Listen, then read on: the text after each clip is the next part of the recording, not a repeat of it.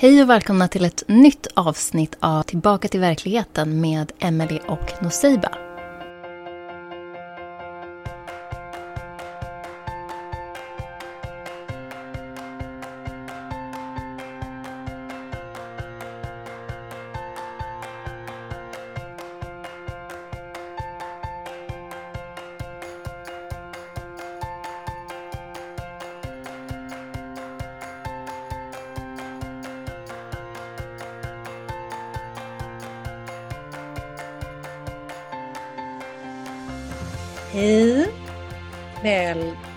Tillbaka till verkligheten. Jag är Emelie. Du där borta är Noseiba. Hej! Hej! Hej! Vi tänkte prata om avundsjuka och svartsjuka och lite sådär när det kommer upp.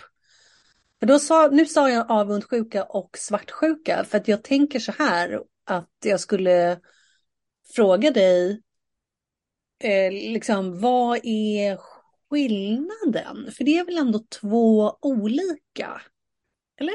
Jo, alltså det är två olika. Som jag har fattat det så är svartsjuka då specifikt i eh, relationer, främst då kärleksrelationer. Svartsjuka kan liksom Mm. uppstå.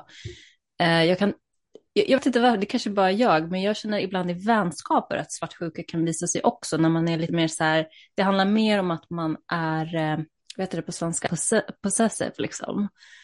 Ehm, Ja.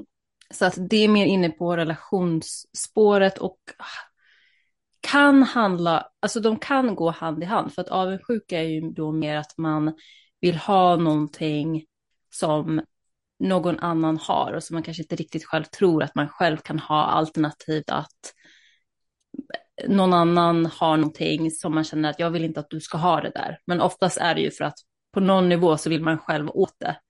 Och att det gör för ont att se någon annan ha det, vad det nu än är, om det är en sak eller en person eller en status eller något sånt där. ja, just det. Så att avundsjuka är lite mer status och typ grejer baserat kanske. Och svartsjuka är lite mer den här emotionella eller liksom relationsbaserat. Ja, precis. Ja, jo men det stämmer nog bra. Jag vill minnas att jag, alltså för en tid sedan, hade några supertydliga definitioner för mig, liksom just på vilken som är vilken, eller vad är skillnaden? För att på engelska också, du vet, så blir det ju skillnad så på envy och jealousy.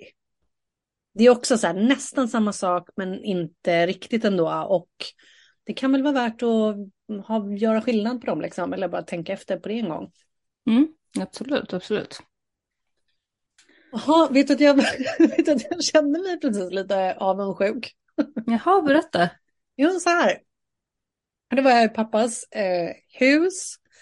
Eller du vet, farsan har ett hus utanför stan. Och eh, då börjar det väl bli dags då för grannen att börja bygga ett nytt hus på sin tomt. Och eh, den här grannen har tre tomter liksom som är precis runt omkring oss eller som liksom är granntomtar typ allihopa då. Den ena tomten som grannen har har han liksom köpt av min eh, pappa. Och eh, ja, jag har väl tänkt någon gång att så här, wow, hur, alltså, var kommer hans pengar ifrån? Hur kan han ha de här tre tomterna typ? Han har säkert någon annan, någon annan tomt någonstans eller hus eller lägenhet eller vad vet jag liksom. Och så nu börjar det då bli dags för honom att, eh, du vet, han ska börja bygga på ett nytt hus här då på ena tomten. För det, det gamla huset som står där, eller någon sån här gammal skruttig liksom stuga som inte riktigt duger till någonting. Och eh, så kom det på tal då att eh, de hade snackat om att huset ska stå här på den där delen av tomten. Aha, så här potentiellt så kommer väl det kanske skymma ganska mycket sol då för pappas hus och den här tomten. Och du vet, vi tänker att så här, kanske så blir det lite mycket insyn liksom eller så här till varandra och lite sådär.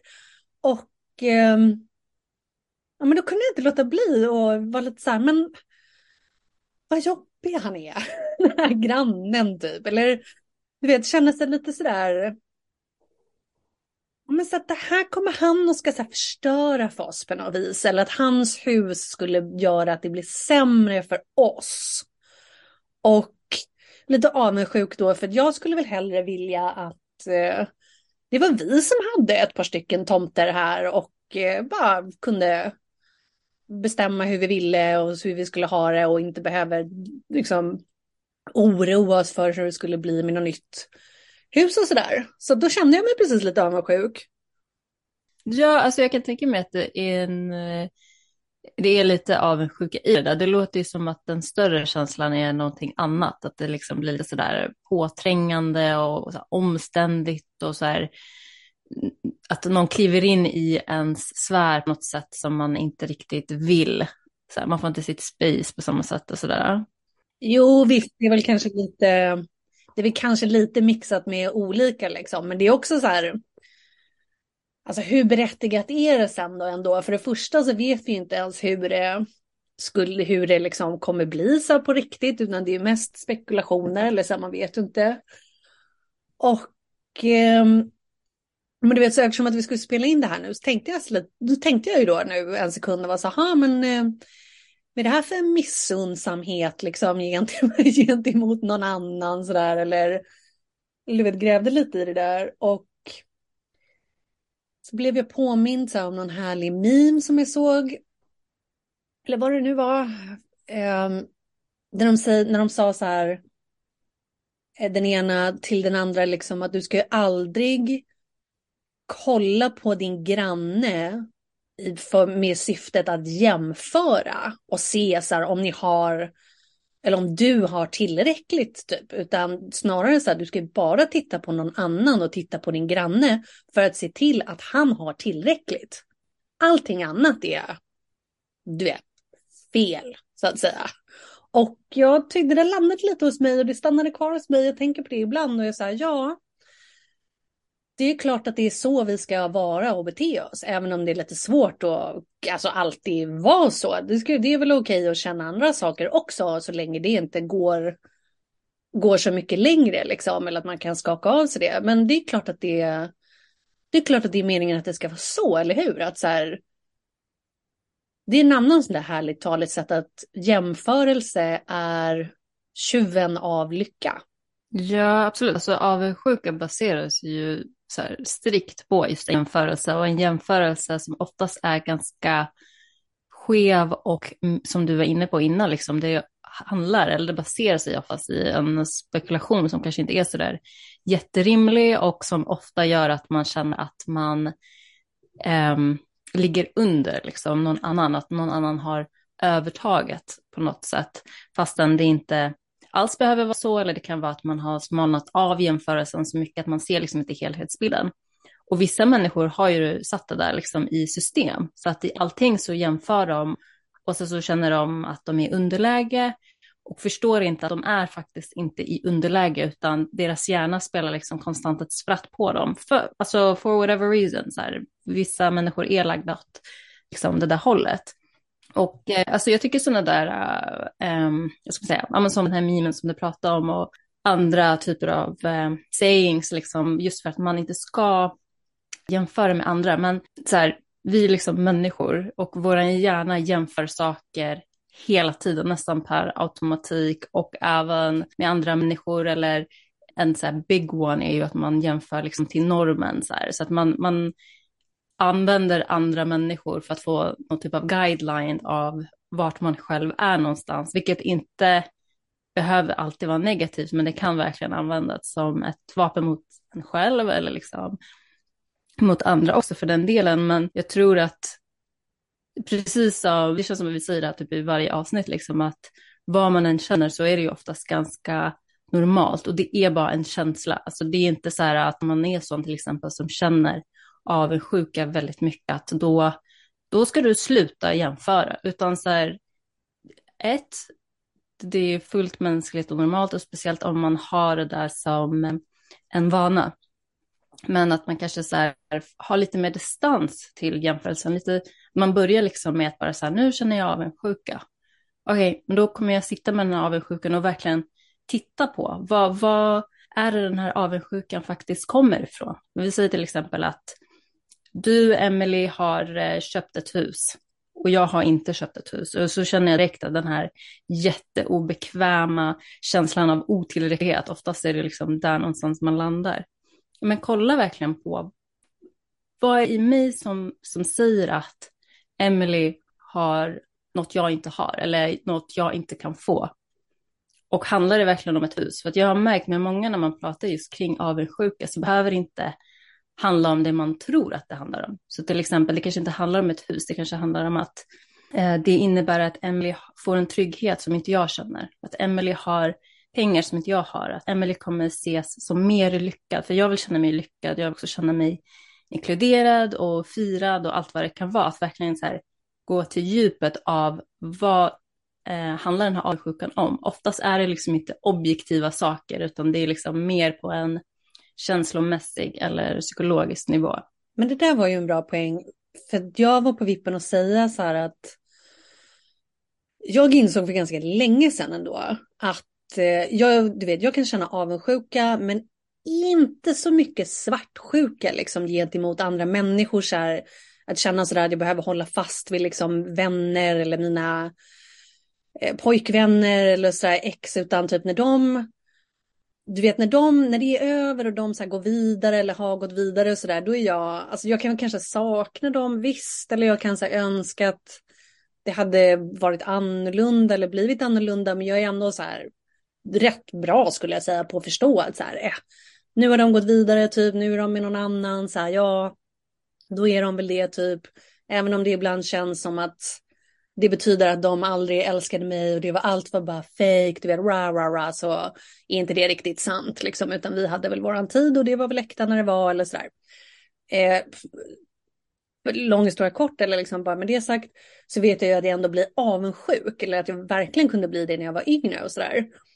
Och då insåg jag ju ganska tidigt ändå, tror jag, att den här avundsjukan, det är ju ett tydligt tecken på, eller det är liksom en bra information för mig.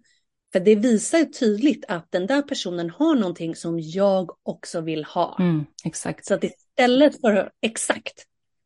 Och då, du liksom, och då fattar jag ju att så här, det istället då för att liksom tillåta mig själv att ödsla tid och energi på att typ tycka illa om dem och så här, snacka om dem eller ja, men vara sådär missunnsam som jag säger så liksom tar jag det för vad det är och inser att så här, jag vill ha, jag vill, jag vill ha det där huset. Eller jag vill, jag vill ha ett hus som det där.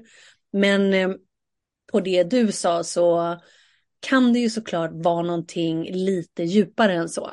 Att det är inte just det fysiska huset utan det handlar snarare om att gud vad tryggt och skönt att veta att man eh, ja, men bor i ett hus utan, vadå, utan en granne utanför dörren eller vad det nu kan vara. Liksom. Mm. Ja, uh, alltså, ja. Men jag, jag tänkte på det också, att uh, jag upptäckte också, inte, jag var nog inte tonåring, men i alla fall i 20-årsåldern, liksom, när jag upptäckte just att när jag känner mig avundsjuk, att det verkligen så här pinpointar exakt vad jag faktiskt vill ha och att det inte säger så mycket om den andra personen. Och det där kan vara jätte så här, game changer, för att det där tillät även att jag kunde, jag kunde fortfarande känna mig avundsjuk och eh, kunna se på, men det är för att jag vill ha det här liksom. Och samtidigt så kunde jag vara glad för den som hade det jag ville ha. Så att det blir som att man blir som två olika personer där ena delen av en är jätteglad och jättestöttande mot, mot en annan. Samtidigt som man har det här andra som man jobbar med själv liksom. Och tittar på. Ja, så här. Det där gillar jag. För jag gillar, jag gillar de höga vibrationerna liksom. Jag gillar att kunna vara glad för andra. Liksom. Istället för så här, du vet, dra ner någon annan eller liksom, vad ska man säga, alltså förminska eller förlöjliga deras liksom, resultat i livet eller goda lycka. För att Alltså vissa får väl saker då bara av ren lycka, men många har ju också jobbat väldigt hårt för det de har. Om vi är inne på den här lite materiella sfären, liksom med kanske pengar och hus och sådär, vilket ändå är någonting som skapar enormt mycket avundsjuka i oss liksom. Och det känns ju helt enkelt bara bättre att kunna liksom unna någon annan och vara lite glad för deras skull. Och sen då som sagt bara ta det för vad det är. Eller du vet, nu kan jag ju verkligen uppskatta min egen avundsjuka och vara så här, aha, just det, nu blir jag påmind om att jag vill ha det här. Eller jag vill det där. Och jag får väl eh, lägga manken till så att säga. Eller så här, om jag inte har det nu, men ändå känner starkt att så här, det där bör vara en del av min framtid. Ja, men då får jag väl se till att ordna det liksom. Ja, exakt. Och på det spåret, jag tror nästan att det är den så här, riktiga meningen med avundsjuka är att det ska förvandlats till en inspiration istället. För att man ska hacka, som du säger, att man börjar hacka på någon annan eller försöker dra ner någon annan.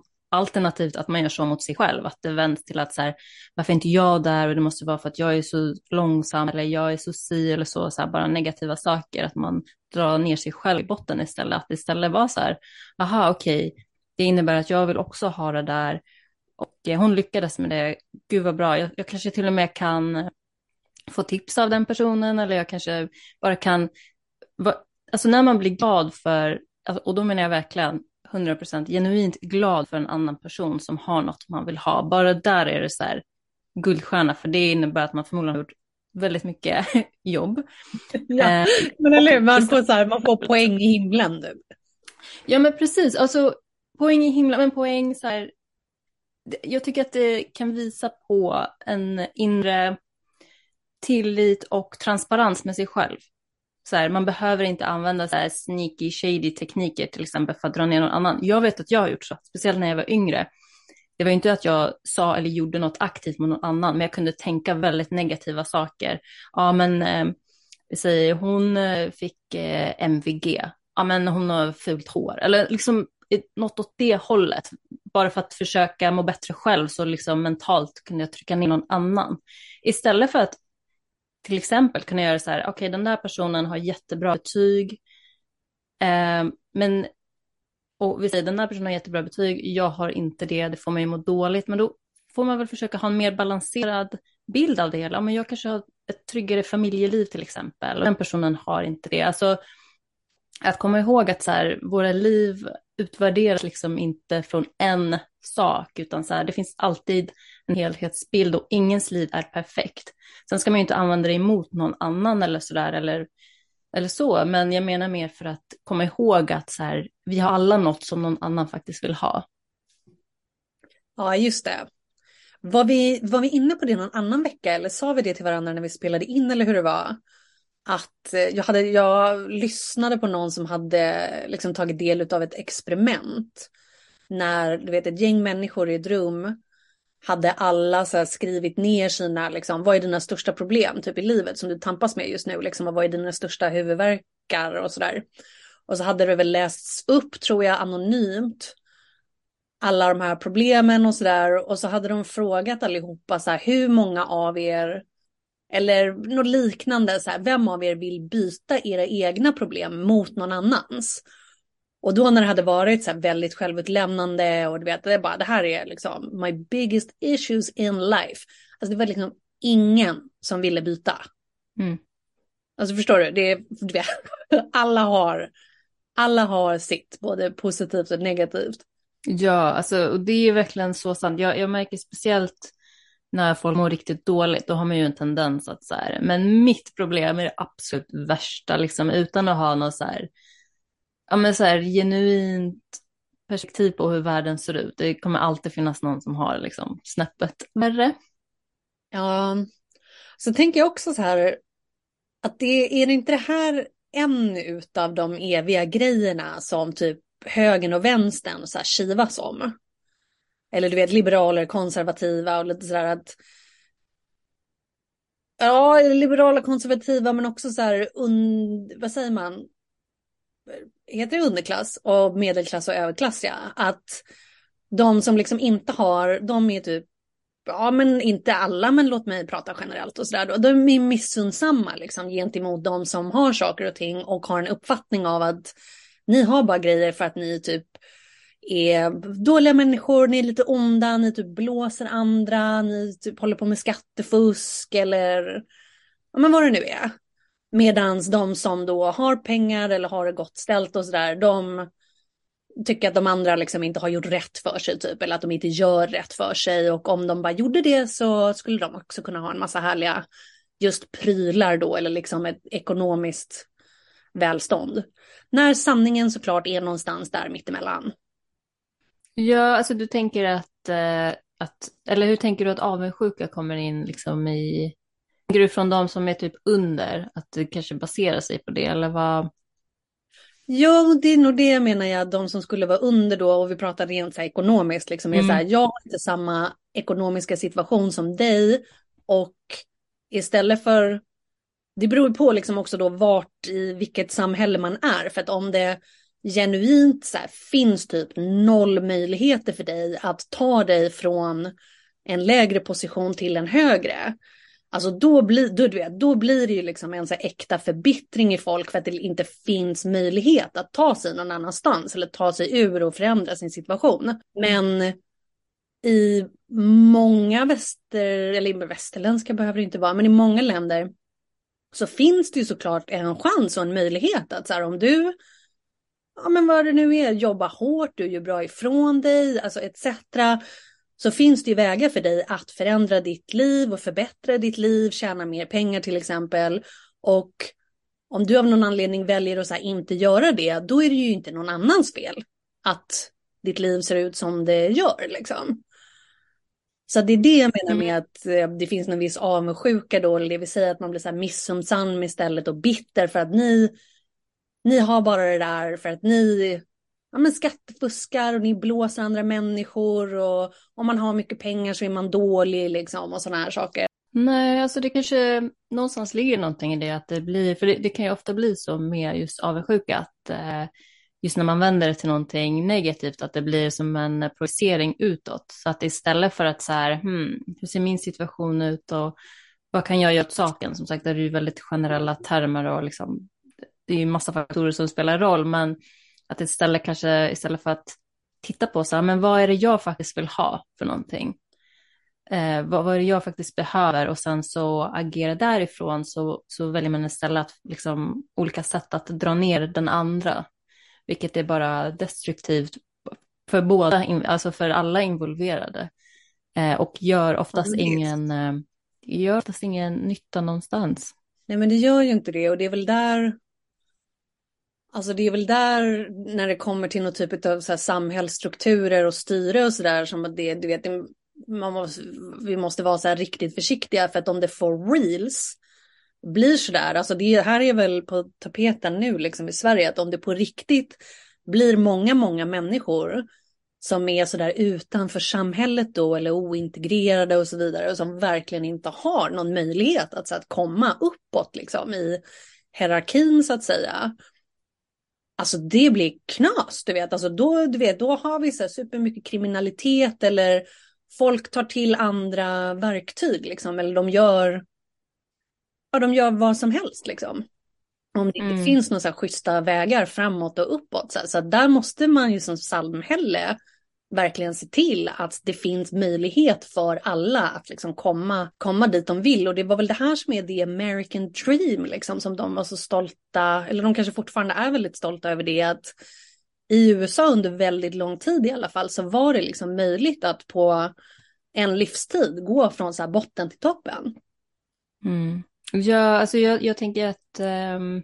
Alltså jag tänker alltid att it's a two-way street, liksom. Att ja, det är klart att det ska finnas vägar Ehm, um, och ta sig in och, och, ta sig upp och att det ska vara liksom relativt uh, samma chans för alla, vilket är så här omöjligt. Det är ju det här som blir det här PK-snacket. Det ska vara precis lika för alla hela tiden. Och så här, man kan ju ha det lite som så mål. Man ska väl inte aktivt sålla bort vissa grupper, liksom. men ibland kan jag tycka att när det gäller kriminalitet och så där, att det det är lite för lätt så här, nej men de har ingen annan väg, så de blir kriminella och jag skulle hellre panta burkar än att bli kriminell. Alltså förstår du, jag tänker ändå att det finns så här, det finns alltid någon väg än att, det ska krävas väldigt mycket för att man ska bli kriminell. Så tänker jag i alla fall, jag tycker att det är i alla fall här i Sverige för mycket av det här, för att jag vet hur systemet funkar här, så att vill man komma in så kan man. Så här, det finns ingen anledning att gå liksom vara kriminell och det blir så här bortförklaring att så här, nej, men det är för att det, de bor i orten eller whatever. Så okej, okay. men det finns massa andra saker. Det är Sverige liksom, så det finns väldigt mycket man kan göra. Det kan inte bara ligga på samhället. Så här. Man måste ju aktivt själv försöka och vilja ta sig in. Ja men 100 procent. Och alltså det där är ju då som sagt om man ska in, alltså kriminalitet liksom, det är väl en komplex fråga och situation ja. Och det ska väl mycket till för de allra flesta människor liksom innan de går, går den vägen.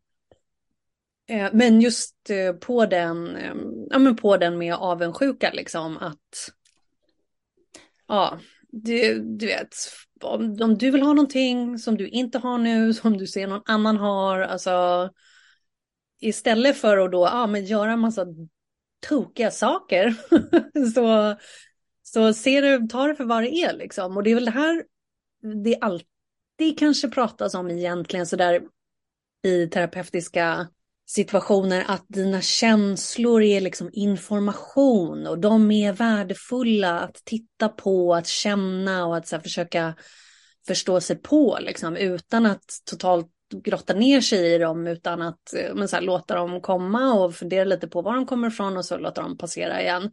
Och just avundsjuka är väl ganska bra enkelt exempel liksom, på att så här, den här känslan försöker tala om för dig att du vill ha någonting som du inte har just nu. Ja, precis. Alltså, jag, jag tänkte på en sak eh, som du sa gällande det här med medelklass och överklass och allt det här. Att, jag tänker speciellt om man, om man skulle ja. smalna av det hela och kolla på det här på en kollektiv nivå i Sverige där det är väldigt så här, ekonomiskt eh, bekvämt för de allra flesta, det finns undantag, men om man jämför med resten av världen, vi lever i himlen just nu liksom, så tänker jag att om man har så pass mycket att man faktiskt klarar sig och ändå projicerar på överklassen så måste man ta en riktigt så här, nära, alltså man måste kolla sig själv under the loop, alltså med förstoringsglas för att jag har så svårt att se varför man skulle vara avundsjuk om man har det helt okej ställt. Det behöver inte ens vara liksom, alltså värsta grejen. Du kanske har svårt att se det ja, men det är sådär, sådär är det. eller sådär, sådär är det nog. Inte, eller ja, alltså du vet i generella, i generellt snackat liksom. Det finns ju undantag överallt hela tiden. Men, men vet du vad jag tänker på? Nej. Jag eh, kollat på några YouTube-klipp, jag har inte kollat så jättemycket, men det finns en, en ny rörelse som heter, eh, jag kommer inte på det bara därför, men det handlar i alla fall om eh, ö, eh, positivitet kring överviktiga. Ja, det, oh, det finns ett begrepp för det där, vad är det de kallar det? Ja, men body positivity och body acceptance. Nej, men body positivity tror jag. Eller? Ja, precis, just det, just det. Ja. Och eh, när jag kollar på de här klippen av de här överviktiga personerna som stöttar varandra i det och de känner sig jättediskriminerade, vilket jag absolut tror på. Jag, jag är hundra på att eh, de känner sig diskriminerade. Ja, och sådär. Men det har på något sätt trillat över till nästan så här uppmuntran av det och vissa läkare som går ut och bara ät vad du vill och det är inte så skadligt som man tror. Och, alltså där det bara har så gått lite överstyr. ja. Mycket annat så kan jag tänka mig att liksom grundtanken var säkert jättepositivt och det är säkert skönt att ha stöd och bli bekräftad i den upplevelsen om man är större. Eh, men när jag tittade på det så kunde jag inte, eller på de här klippen, så kände jag någonstans att jag, jag tror att det kan ligga en underliggande avundsjuka. Inte för att så här, eh, alltså gentemot normalviktiga, och att det är därför det här har liksom bubblat över och blivit så stort. Inte för att så här, ah, jag vill så gärna vara smal, men för att så här, jag vill också bli accepterad. För mig är det typ det de liksom skriker efter. Men att det blir så absurt när man istället då, för att erkänna det, börjar tippa över till uppmuntran liksom. Av något som vi alla nog kan konstatera ja. inte är hälsosamt. Ja, nej, men jag är helt med dig på det där. Jag är helt med dig på det där. För det finns väl såklart en del människor där ute som har någon så genetisk åkomma liksom, eller någonting, någonting som gör att kroppen bara blir och är stor. Men som med det sagt så finns det också en hel del människor som har alltså enormt ohälsosamma matvanor och de, liksom, ja, men de har ätstörningar helt enkelt. Och liksom, ja men vad säger man, vad heter det, att det, de försummar sin eh, hälsa. Och då kan de väl göra det då antar jag, men jag kommer inte gå med på att liksom låtsas som att det är så himla toppen. Och typ, nej men alltså så här, förespråka det liksom. Alltså det... Alltså då kommer man tillbaka till det här som vi var lite inne på, det här med att man kan känna två saker samtidigt. Till exempel att man kan känna att jag är fin som jag är just nu. Så även om jag är jätteöverviktig, visst jag är också fin och jag eh, förtjänar ju liksom komplimanger som alla andra eller hur man nu tänker. Samtidigt. Ja, för att människor, förlåt att jag avbryter dig, men för människovärdet är ju såklart fortfarande där. De är ju lika mycket värda som alla andra. Exakt, och det är ju det som jag tror den här rörelsen blev, liksom föddes utav och det är ju inget fel på.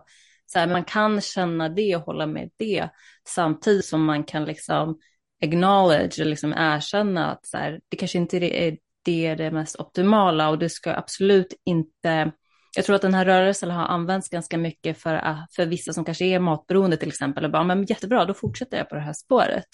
Så att det, det får liksom en negativ effekt och att det istället gynnar sjukdomar eller liksom beroenden och destruktiva handlingar istället för att faktiskt uppmuntra. Ja, men det är det här jag menar.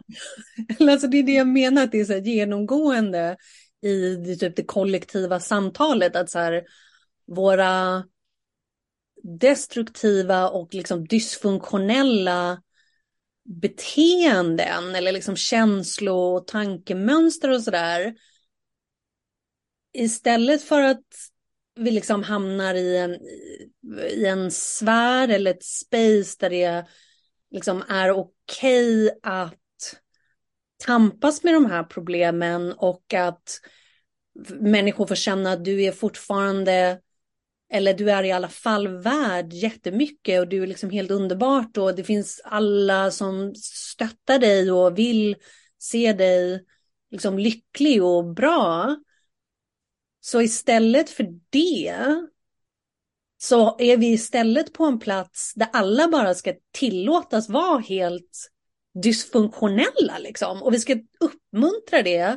Och våra barn ska göra anamma samma sak. Och vi typ ljuger för våra barn, du vet, om vad som är bra eller dåligt, sant eller inte sant. Och alltså det är helt befängt. Alltså, det är helt befängt. Vi kan liksom inte ha det så. Alltså förstår vi, eller är det någon som funderar på långsiktiga konsekvenser av att liksom fostra ett samhälle på det sättet. Alltså det är helt sanslöst. Jag tror att vi kommer ju se konsekvenserna av det här relativt snart. Jag ger det typ tio år. Innan man får se liksom vilken havoc det är och att det... Oh, Okej, okay. men det är, en hel, det, är, det där är en stor diskussion i sig. Men jag tänkte fråga dig en sak. Jag tycker att du, du, ja. du sa väldigt bra saker och det sammanfattar ju vad som sker liksom, kollektivt med alla grupper, för att idag är, är, vi alla offer på ett eller annat sätt, så kan man hitta en stämpel som passar en perfekt. Liksom. Um, ja, men hur märker du om någon är avundsjuk på dig? Ja, bra. Jag, tänkte, bra. jag tänkte också komma till den. Men jag skulle först, för det var någonting jag var på vippen att säga sådär när du pratade för en liten stund sedan om, eh, ja men just det här om att så här, eh, att det är väl någonstans i den här avundsjukan också som folk istället för att så här shit jag känner mig avundsjuk typ och vad mm, jag tror att det där är väl också många gånger du vet det som eh, sporrar på den här att vi svenskar och kanske vadå västerländska vita och sådär men vi, vi, är, vi är så lättkränkta nu för tiden. Alla bara känner sig kränkta hela tiden.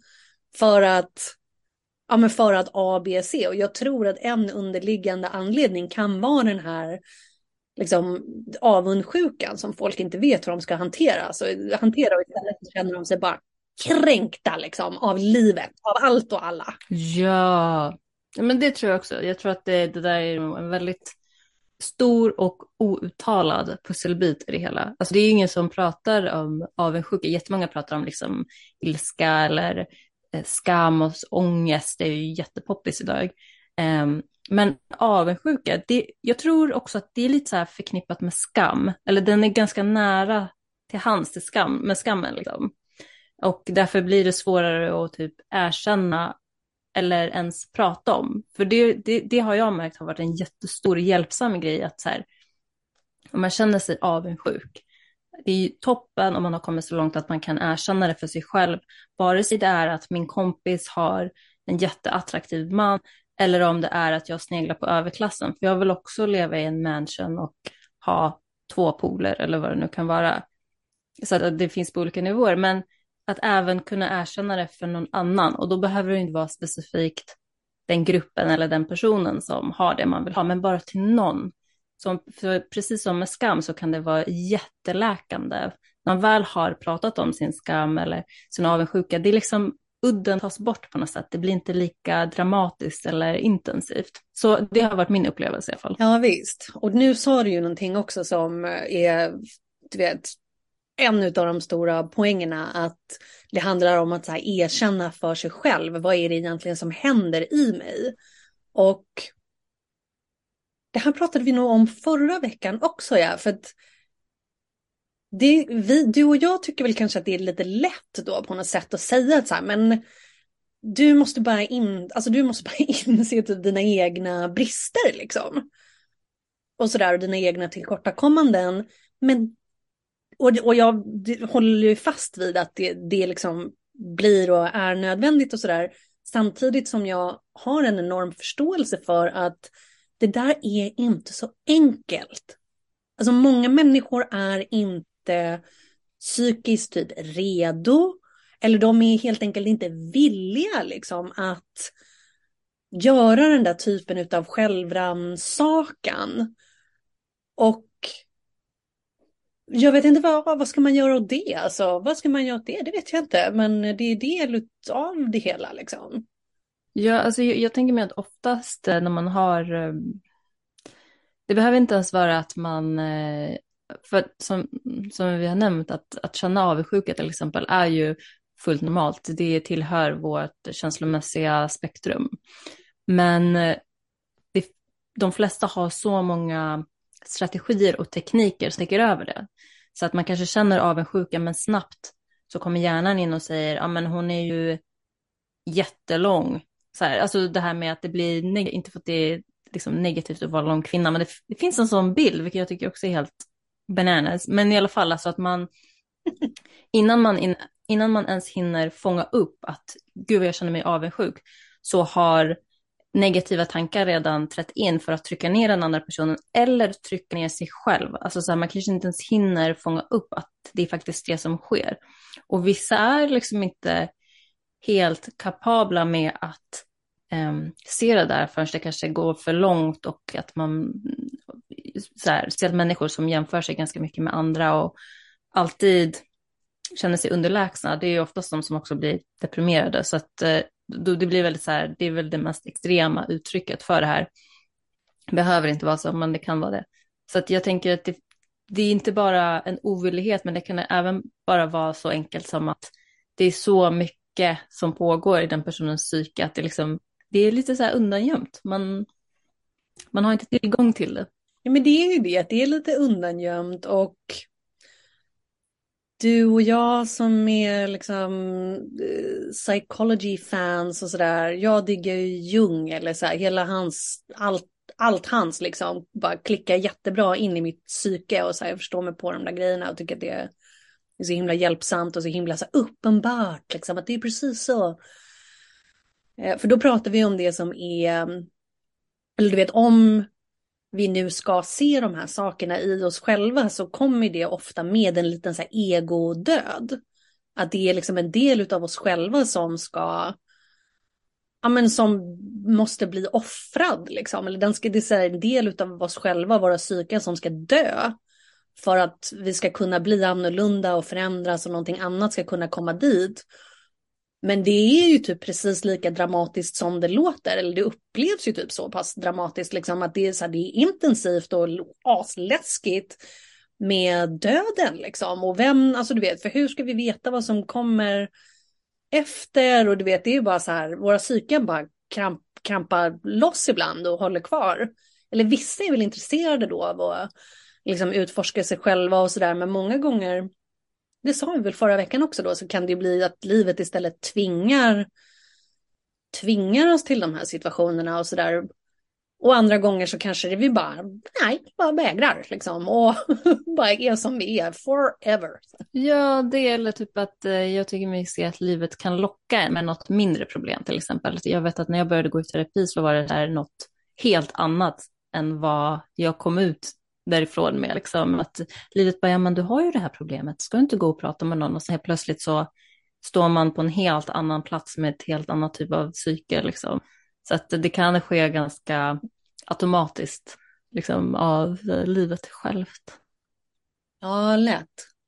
Du, jag tror att vi ska eh, börja avrunda lite grann nu, va? men vi fortsätter nog på det här spåret nästa vecka. Men det var intressant det du ändå frågade nu, för det är en annan del, eller det är en fortsatt del av det hela, att liksom vad händer då när istället för att du känner dig avundsjuk så är det du som är den som blir mottagaren av någon annans avundsjuka. Liksom. För det där, det där har hänt mig också.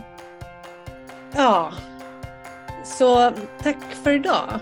Och, eh, och vidare, alltså vi går vidare nästa gång. Tack för idag. tack för idag.